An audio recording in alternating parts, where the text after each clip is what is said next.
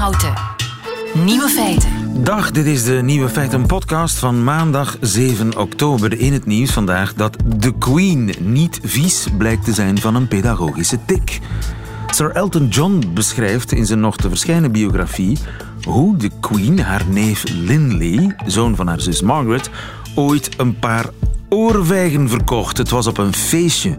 De Queen wou dat hij meeging met zijn zus, die naar huis wilde, want ze voelde zich niet lekker.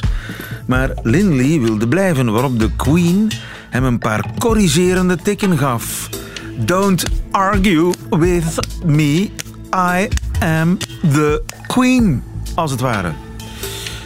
Linley was toen al een volwassen man, voor alle duidelijkheid. Toen de Queen merkte dat Elton John alles had gezien, knipoogde ze naar hem en wandelde ze rustig weg.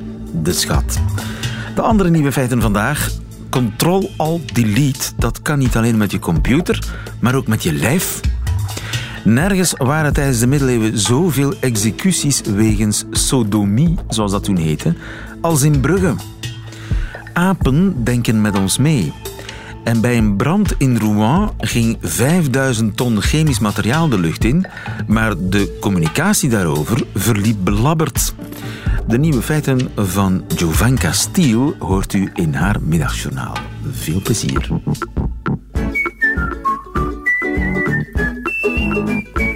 Nieuwe feiten. Wat doe je met je computer als die helemaal vastloopt? Nee, uit het raam gooien is een slecht idee. De meeste mensen doen Ctrl-Alt-Delete. En dat kun je dus ook met je lijf doen. Dr. Benjé, goedemiddag. Goedemiddag, lieve. Servaas Benjé, arts bij Lotto Soudal en auteur van een gloednieuw boek. Dat heet De Lijst. En dat is een lijst waarmee ik een soort van Ctrl-Alt-Delete met mijn lijf doe. Klopt. Maar waarom zou ik dat moeten doen, een Ctrl-Alt-Delete? Maar eigenlijk onderschatten we de kracht van voeding, eh, lieven. Eh, eigenlijk eh, is voeding voor mij is het grootste massavernietigingswapen dat er op de wereld bestaat. En wat ik eigenlijk wou doen met de lijst, wat op zich een eliminatiedieet is, is eigenlijk de mensen een keer tonen van, kijk, wat is het verband tussen de dingen die in uw mond steekt en uw lichaam? En moet ik die lijst volgen, die Ctrl-Alt-Delete doen, ook al ben ik gezond en voel ik mij eigenlijk min of meer oké? Ja, als je het verband wil, wil, wil zoeken tussen, uh, tussen eigenlijk uw, uh, ja, uw energiepeil of als je misschien vermoeid bent. Want vaak hebben we, uh, voelen we ons niet de beste, de, de beste versie van onszelf. Aha. We kunnen ons eigenlijk veel beter voelen. Ik heb, het, ik heb het zelf gedaan. Ik voel mij nu super energiek, zal ik maar zeggen. Dus wat heb ik eigenlijk gedaan? Ik heb een lijst gemaakt met alle stoffen die mogelijk een reactie in het lichaam kunnen, kunnen veroorzaken. Alle verdachten? Alle verdachten op een lijst gezet en gezegd van dat gaan we tien dagen niet eten en dan stapsgewijs gaan we ze terug reintroduceren. Dus eigenlijk is het een eliminatiedieet, wat een wetenschappelijke vorm van een dieet is. En wat is een eliminatiedieet? Eigenlijk, kinderen zijn daar expert in. Als een kind geen spruitjes lust, dan gaat het kind geen spruitjes eten. Dus uh, dat is al een vorm van een eliminatiedieet. Alleen is de lijst, het eliminatiedieet dat in de lijst beschreven staat, is een iets complexere en uh, ja, iets meer uh, volledigere vorm. Oké, okay, dus tien dagen lang moet ik alles wat op die lijst staat laten. Ja. Wat staat er op die lijst? Ik zie citrusvruchten. Ja, klopt. Dat is raar. Ja, dat is, dat is raar. toch gezond? Dat is zeker gezond en uh, we gaan dat zeker ook niet permanent... En, zo en, en... Ja, we gaan het zeker ook niet permanent vermijden, maar uh, salicylzuur geeft bij sommige mensen bepaalde reacties die ongewenst kunnen zijn. Dus als we ze nu tien dagen vermijden en dan uh, weer citrusvruchten eten... En wat, en wat zijn niks, bijvoorbeeld ongewenste resultaten of effecten van ja, citrusvruchten? Als dan kan je bijvoorbeeld zuurklachten van hebben, maar er is ook een, een bepaalde aandoening die heel veel mensen niet doorhebben, dat, dat ze eigenlijk overgevoelig zijn op salicylaten en dat ze dan eigenlijk uh, neusloop of zelfs neuspolypen enzovoort ah, ja. uh, kunnen krijgen. Uh, dus tomaten? Tomaten, ja. Tomaten Jeetje. zijn lid van de nachtschadefamilie. En de nachtschadefamilie die staat erom gekend dat daar veel alkaloïden in zitten en die kunnen eigenlijk auto-immuunreacties gaan veroorzaken. Havermout, dat vind ik wel heel raar, want havermout, dat wordt toch aan alle kanten gepromoot als trage suikers, heel goed. Ja. Ik, ik om, probeer elke ochtend te ontbijten met havermout, omdat me dat de dat halve ook. dag op de been houdt. Ik doe dat ook lief. En Dus havermout is in, in principe een supergezonde stof. Maar we hebben eigenlijk alle granen een stuk uit die eerste fase weggelaten. Omdat eigenlijk, ja, granen bestaan eigenlijk uit zetmeel. En dat zijn eigenlijk toch suikermoleculen. Dus we willen eigenlijk ook die, die suiker, willen we er een stuk, een stuk uit in die strikte fase. Vandaar dat havermout op de niet-lijst is gekomen. Maar dat kan wel een van de eerste producten zijn dat je dan reïntroduceert. Dus hoe, hoe reïntroduceer je een voedingsstof?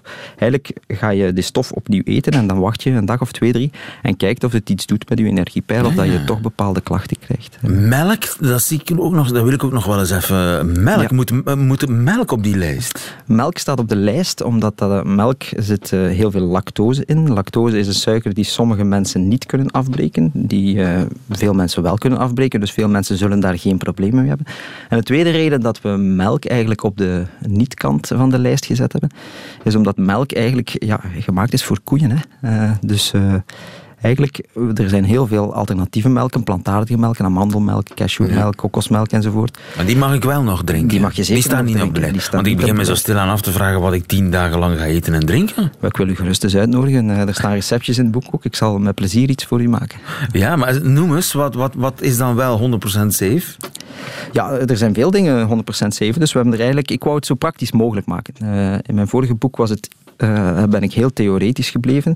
Eh, maar nu wou ik echt een heel praktisch plan. Maar dat ik mag mensen- geen brood eten, ik mag geen tomaten eten, Nee. mag Nee. dus zeker geen pizza eten. Je kan, je kan alle andere... Vlees mag alle wel. andere groenten eten. Ja, je mag vlees eten, maar je kan het dieet, of je kan het eliminatiedieet eigenlijk ook doen eh, als je vegetariër bent. Hè, maar dan moet je wel op zoek gaan naar andere alternatieve Ja, bronnen dus het is te doen, dat staat in jouw boek uitgelegd. Hoe je tien dagen kunt overleven zonder de zwarte lijst, zeg maar. En dan ga je stap voor stap herinvoeren Ja, wat je eerst eh, afgeschaft hebt. Ja. En hoe lang moet ik dan wachten? Drie dagen? Eh, een dag of twee, drie, om te Drie. kijken, ontstaan er bepaalde symptomen. En kan ik dat zelf in mijn eentje doen? Of moet ik dat iedere keer onder doktersbegeleiding proberen vast te stellen van... Nee, ik heb, het, eh, ik heb in het boek eigenlijk eh, geprobeerd om jullie, om jullie daarin te helpen. Dus in het begin van het boek heb ik eigenlijk gezegd van we gaan onszelf eens in kaart brengen. En ik heb een heel uitgebreide symptoomlijst opgeschreven, waar dat je misschien zegt van ik heb geen klachten. En als je dan die lijst ja. ingevuld hebt, ga je misschien merken van ah, daar heb ik misschien toch af en toe last van. En dat geeft u een bepaalde score. En dan moet je na die tien dagen die score eens opnieuw invullen. En dan denk ik dat je toch eh, zal, eh, zal merken dat je Ja. objectief u, u beter voelt. Wat, ik, eh, wat mij zeer intrigeert is dat je de, de lijst zelf hebt toegepast. Mhm. En dat je zegt, het heeft mijn leven veranderd. Ja, het heeft mijn leven veranderd. Ik voel mij super energiek en ik eh, durf nu eh, gerust zeggen dat ik eh, eigenlijk een heel gezond voedingspatroon heb. Wil dat zeggen dat ik nooit meer patisserie of iets anders ongezond eet? Nee, maar ik volg daarin nu wel heel goed de, de dingen die ik weet van mezelf. Dus ik weet als ik heel veel suiker eet, dat ik wel last heb van mijn gewrichten. En ik volg de 80-20 regel. Dus 80% van de keuzes die ik maak zijn absoluut gezonde keuzes. En dan kunnen we in die 20% eh Dus je mag toch nog een beetje zondigen. maar zeker, we leven maar ja, ja. één keer. Hè. Maar dus eh, jij hebt geen last meer van gewrichtspijn. Mhm, klopt. Eh, je bent ook een beetje afgevallen. Ja, ik ben redelijk wat afgevallen eigenlijk. Mijn bestaan in het peloton, in de buffethotels, eh, de hotelbuffetten enzovoort, had mij wel wat kilo's opgeleverd. En ik dacht van, ik ken het nu allemaal zo goed in theorie, waarom doe ik het niet, niet in praktijk? Maar dat is ook, je afvallen is ook een gevolg van de lijst. Ja, het is geen vermageringsdieet, dus het is niet de bedoeling om ervan te vermageren. Het is, eh, maar gewichtsverlies is met een gezond voedingspatroon eigenlijk een positieve bijwerking. Hè. En hoeveel kilo servaas? Ja, dat gaat toch eh, naar de 20. Wow! En dat was eigenlijk niet de bedoeling, maar in één keer ving je 20 kilo af. Ja, eh, en ik dacht van, eh, ja, we laten, laten het ons gewoon doen. En ik ben eigenlijk overgeschakeld op een, eh, op een volledig gezond voedingspatroon. Dus alles wat ik thuis heb in huis, zijn eigenlijk allemaal gezonde keuzes. Daar, daar kan en ik zat daar, worden. je wist natuurlijk wel dat je iets te veel at en iets te veel suikers at. Maar wa- zat er echt een verrassing in jouw ontdekkingstocht? Ja, er zat ook een... een, een weet je, eten is ook een heel, heel groot mentaal proces. En dat heb ik ook geprobeerd om kort te, te benaderen in het begin van mijn boek. Eigenlijk de triggers waarom dat we eten, uh, zijn ook heel vaak uh, psychologisch van aard of, of zijn een compensatie voor stress of voor uh, ja, ons toch niet 100% goed voelen. Dus ja. ook dat is een heel belangrijk aspect van, van voeding uiteraard. Ja. De lijst, dokter Benjé, dankjewel. Goedemiddag. Nieuwe feiten. Coucou de France. Met Alex Visorek. Onze zonnestraaltje op maandag rechtstreeks vanuit Parijs. Mijn radiocollega en landgenoot Alex Visorek vertelt ons hoe de sfeer in Frankrijk is. Goedemiddag, Alex. Goedemiddag, lieven. En gefeliciteerd, hè? Want je zal meedoen aan de slimste mens dit jaar. Ik ben heel trots dat ze mij gekozen hebben. En je weet, het is een aards moeilijke taak die jou te wachten staat. Hoe ga je je voorbereiden? ik quiz met mijn enkele vrienden die Nederlands spreken en ik luister naar nieuwe feiten om alles te weten over wat er gebeurt in de wereld. En lees je ook Dag Allemaal en zo? Want dat is belangrijk, hè? Weet je wat Dag Allemaal is? Voor mij. Ja, zeker en vast. Het is het moeilijkste voor mij. De BV's uh, ben ik niet perfect, maar ik zal me nog een beetje voorbereiden. Het is nog maar in twee weken. Ik supporter in elk geval en met mij de voltallige luisteraars van uh, Nieuwe Feiten. Maar wat is er deze week in Frankrijk aan de ja. hand? Ja, je weet zeker dat uh, de hemel boven Normandie vaak grijs is, maar tien dagen geleden is het ook zwart geworden door een enorme brand. En niet om het even welke brand, een brand in bedrijf Lubrizol. En dat is een Cveso-inrichting met oogdrempel. Dus een in, ja, een inrichting met heel veel gevaarlijke stoffen. En er was een grote zwarte rookpluim van 22 kilometers boven Rouen. Niet de beste dag dus voor een project als Curieuze Neuzen. maar over de luchtkwaliteit heeft de overheid vlug gereageerd. Nous sommes à un état habituel de la qualité de l'air à Rouen. Euh, donc nous avons une situation normale, une situation habituelle telle qu'elle se présente en milieu urbain ici euh, à Rouen. De luchtkwaliteit was normaal in Rouen. Ja, dat hebben ze gezegd. Of even slecht, lieven. Uh, maar dat zou ik misschien uh, zorgen hebben. Uh, alles is normaal. Don't worry, be happy. Dat doet wel denken aan een bekend grappige Franse liedje. Tout va très bien. Madame la Ah, valise.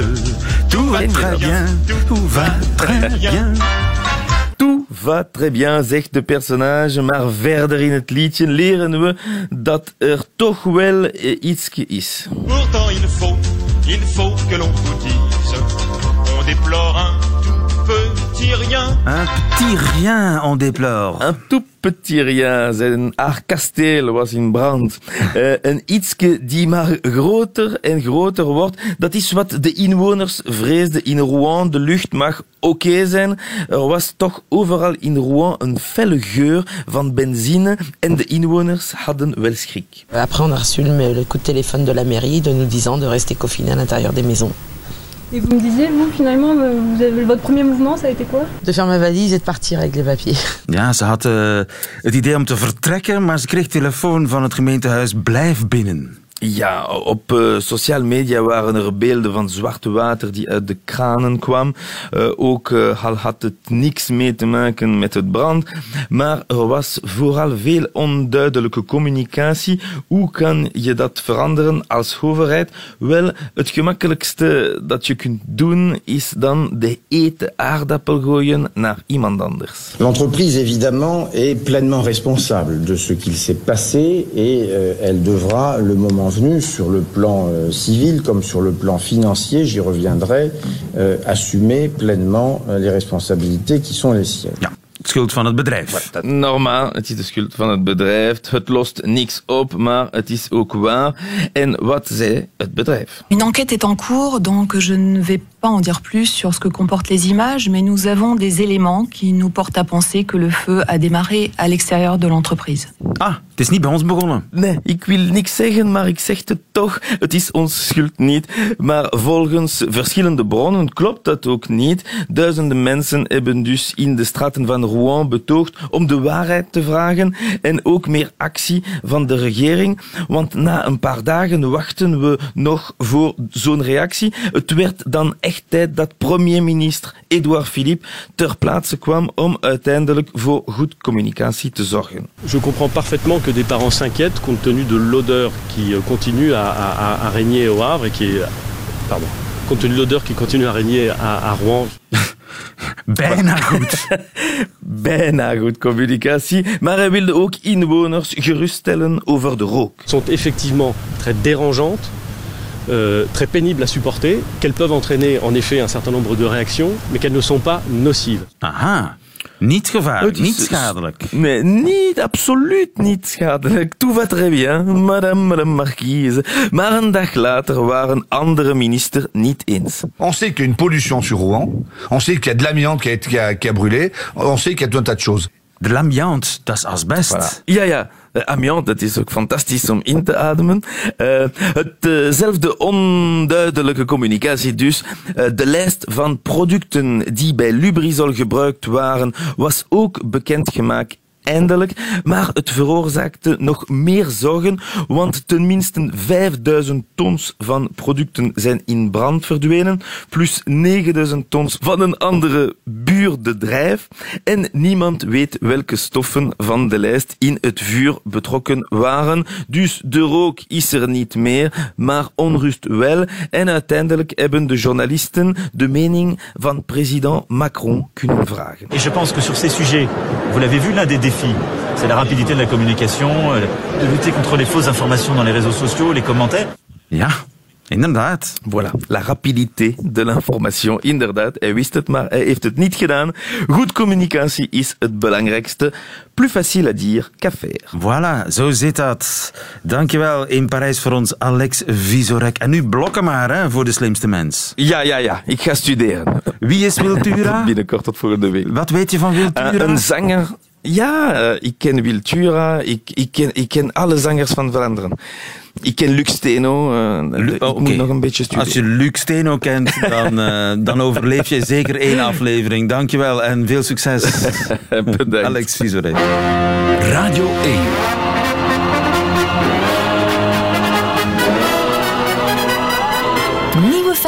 Wetenschappers die het goed kunnen uitleggen, ze zijn meer dan ooit welkom en belangrijk in tijden van fake news. Daarom is de PhD Cup zo'n fijn initiatief. De PhD Cup zou je kunnen vertalen als So You Can Think You Can Dance, maar dan met hooggeleerde dames en heren die geen dansje doen, maar een doctoraat waar ze vaak vijf jaar of langer aan gewerkt hebben in exact drie minuten, swingend en helder moeten kunnen uitleggen aan een breed publiek. So You Think You Can Talk. Dus acht finalisten traden gisteren aan in de Beaux-Arts in Brussel, waarvan er drie met een prijs naar huis gingen. Brons ging naar Leen Sevens, die een vertaalprogramma voor pictogrammen bedacht, waarmee je online uit de voeten kunt. Want ja, hoe maak je online iets duidelijk aan mensen die niet kunnen lezen? Zij begon haar uiteenzetting met wat rare tekens in Klingon, de kunsttaal uit Star Trek. Dames en heren, ik presenteer u met veel trots de titel van mijn doctoraatsthesis. Kunt u dit lezen? Proficiat, u bent een nerd. Kunt u dit niet lezen? Ah, dan vrees ik dat u niet zo vertrouwd bent met Klingon. En in dat geval zitten we met een klein communicatieprobleempje vanavond. Wel, dames en heren, miljoenen mensen met een verstandelijke beperking herkennen dit gevoel wanneer zij geconfronteerd worden met geschreven tekst. En dat in hun eigen moedertaal. Je kunt dus gewone taal omzetten in tekeningentjestaal zonder tekst die begrijpelijk is voor mensen met een verstandelijke handicap. Goed voor brons, proficiat Leen Sevens. En toen betrad Margot Bastin, ook een hooggeleerde vrouw van de Universiteit van Leuven, het podium. En zij ging lang uit, tot onze ontstentenis, lang uit in een zetel liggen. Moet je nu eens iets weten? Mijn vriendin heeft mij daarnet gebeld. We hebben echt uren aan de lijn gehangen. Die voelt zich kei slecht, want die heeft ruzie met haar lief. En nu denkt ze dat hij het gedaan gaat maken, dat ze nooit meer gelukkig gaat zijn. En ik snap dat, hè. ik heb mij ook al zo gevoeld, dus ik ga straks nog eens bellen, zodat we het erover kunnen hebben. Want ja, een mens moet kunnen praten over zijn problemen. Hè. Maar is praten over uw problemen wel altijd goed?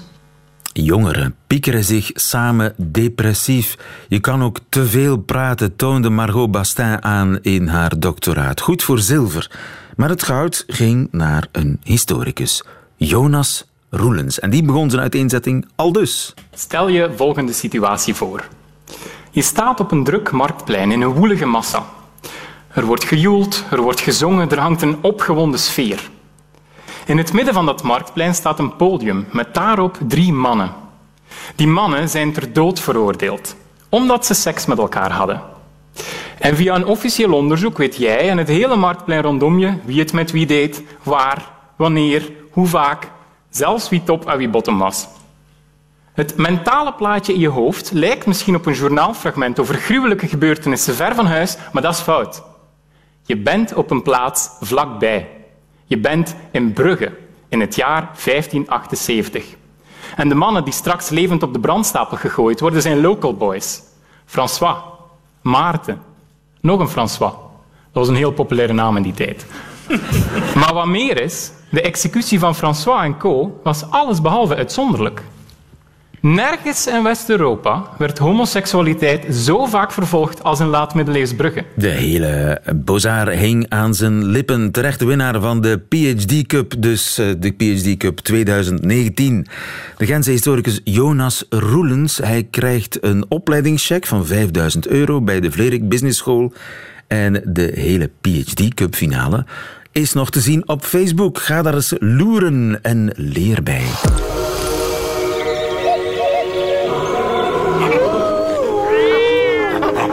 Nieuwe feiten. Het is nu definitief wetenschappelijk bewezen. Apen denken met ons mee. Hans van Dijk, goedemiddag. Een goedemiddag, lieve. Je bent eh, gedragsbioloog in Louvain-la-Neuve. Het zijn collega's van u die een eh, ingenieus experiment gedaan hebben met bijna 50 apen. Wat wilden ze eigenlijk testen?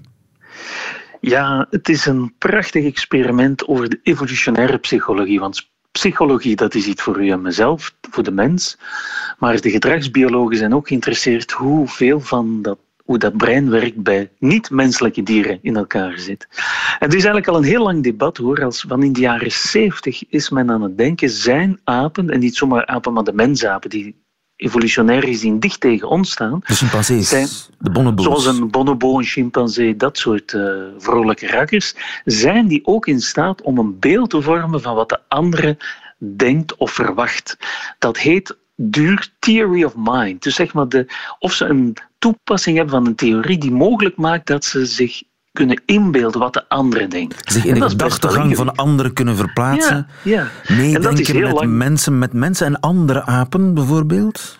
Ja, dus dat zijn experimenten die klassiek gebeuren ook met kinderen, om te kijken van welke leeftijd heeft, kan een kind zich inbeelden wat een ander kind verwacht of denkt of doet. En hoe hebben ze dat aangepakt? Dat ja, dat is heel mooi. Die onderzoekers, een combinatie van Japanse wetenschappers, een paar Britten en, en ook in Leipzig in de dierentuin, zij hebben mooi samengewerkt om één een experiment te doen. En ik moet eerst heel kort het experiment u uitleggen, het basisexperiment dat ze een paar jaar geleden gedaan hebben.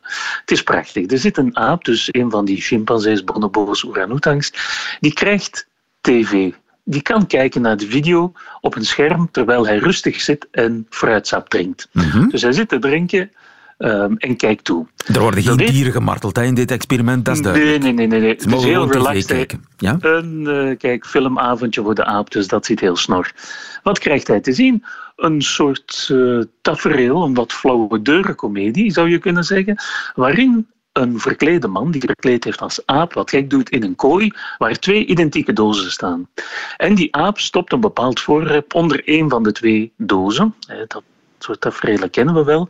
En er staat een man te kijken naar de aap. Dus die man weet bijvoorbeeld dat de aap het voorwerp onder de linkse doos of onder de rechtse doos stopt. Mm -hmm. De orang-oetang die dat volgt, ziet ook van, aha, ja, kijk, het is in de linkse doos te doen. Dan gaat die man weg en de stoute verklede aap gaat het dan veranderen. Dus dan weet de orangutang of de chimpansee die aan het kijken is van er is hier iets veranderd, terwijl het mannetje in het toneel dat natuurlijk niet weet. En dan gaat men testen wat gebeurt er nu als die man terugkomt. Want de aap die toekijkt weet waar het voorwerp zit, maar het mannetje in het toneel natuurlijk niet en die gaat naar de verkeerde doos. Heeft en dan die kan men aap volgen. door dat de man gefopt is? Dat is eigenlijk... Absoluut. ja. En eh, je kan zeggen, hoe kan men dat weten? Daar gebruikt men heel ingenieuze technologie voor, die de oogbewegingen van die aap gaat volgen. Dus zij heeft een soort videoopname waar heel specifiek de oogbewegingen gevolgd worden. En dan kan men kijken, gaat de aap meer kijken naar de echte doos waar het voorwerp zit, of naar die andere doos waar het voorwerp niet zit. Maar hij weet dus eigenlijk meer dan het mannetje.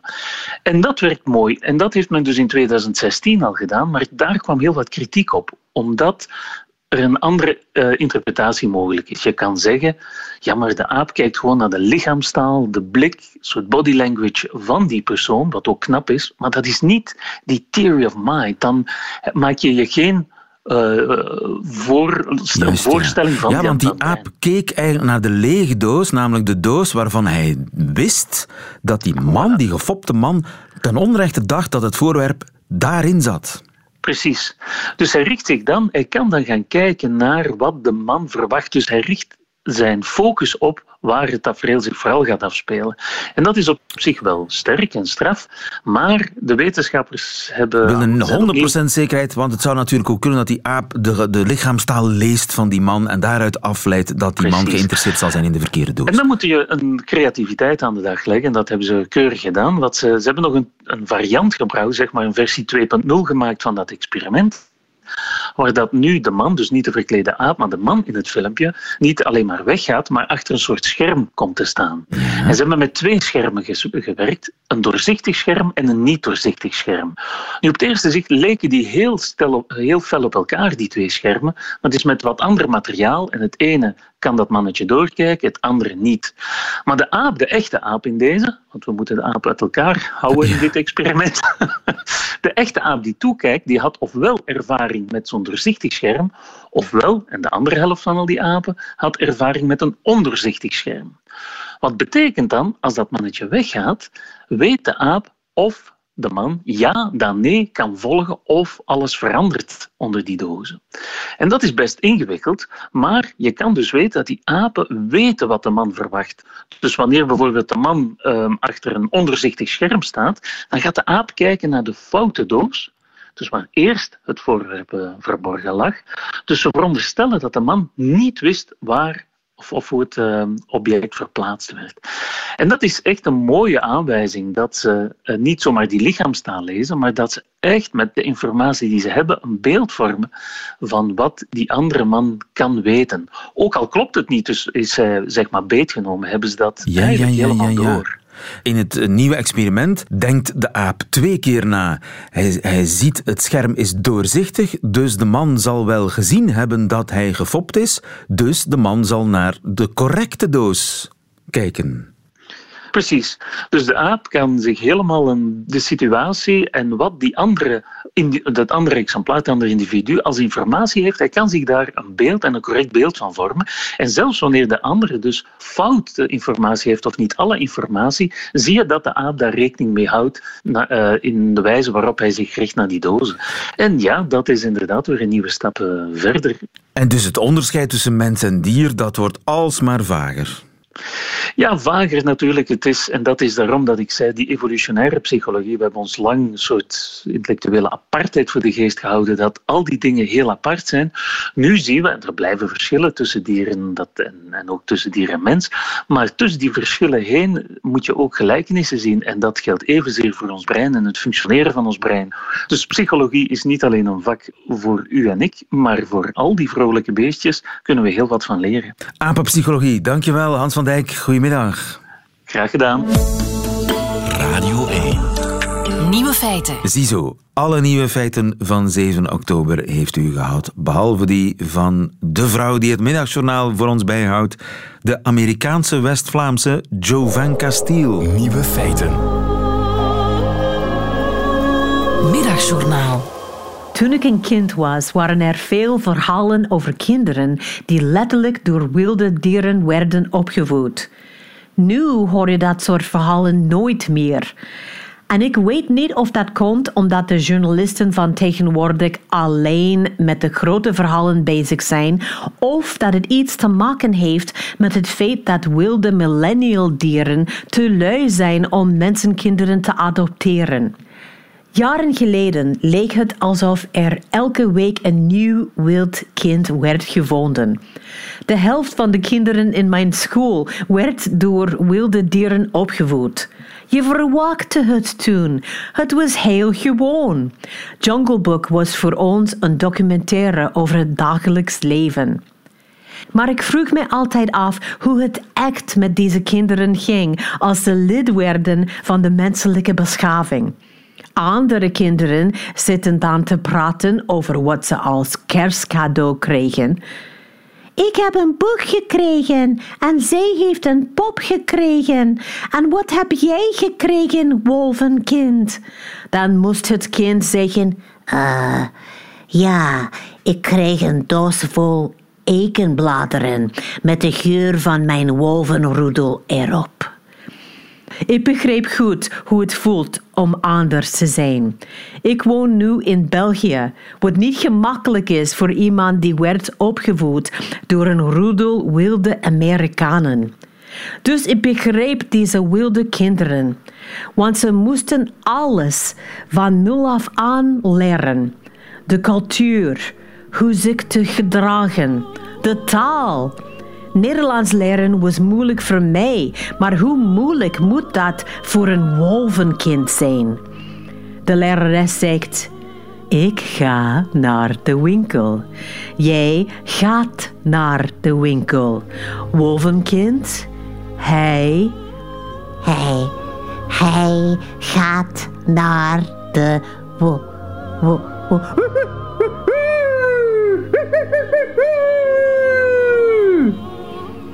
Ja, Nederlands leren kan soms moeilijk zijn.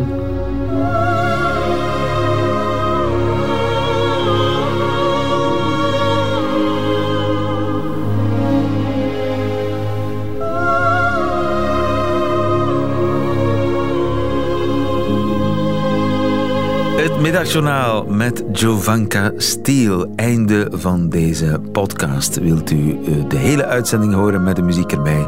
Dan kan dat natuurlijk op de app van Radio 1 of op de website waar u nog vele andere podcasts vindt. Veel plezier.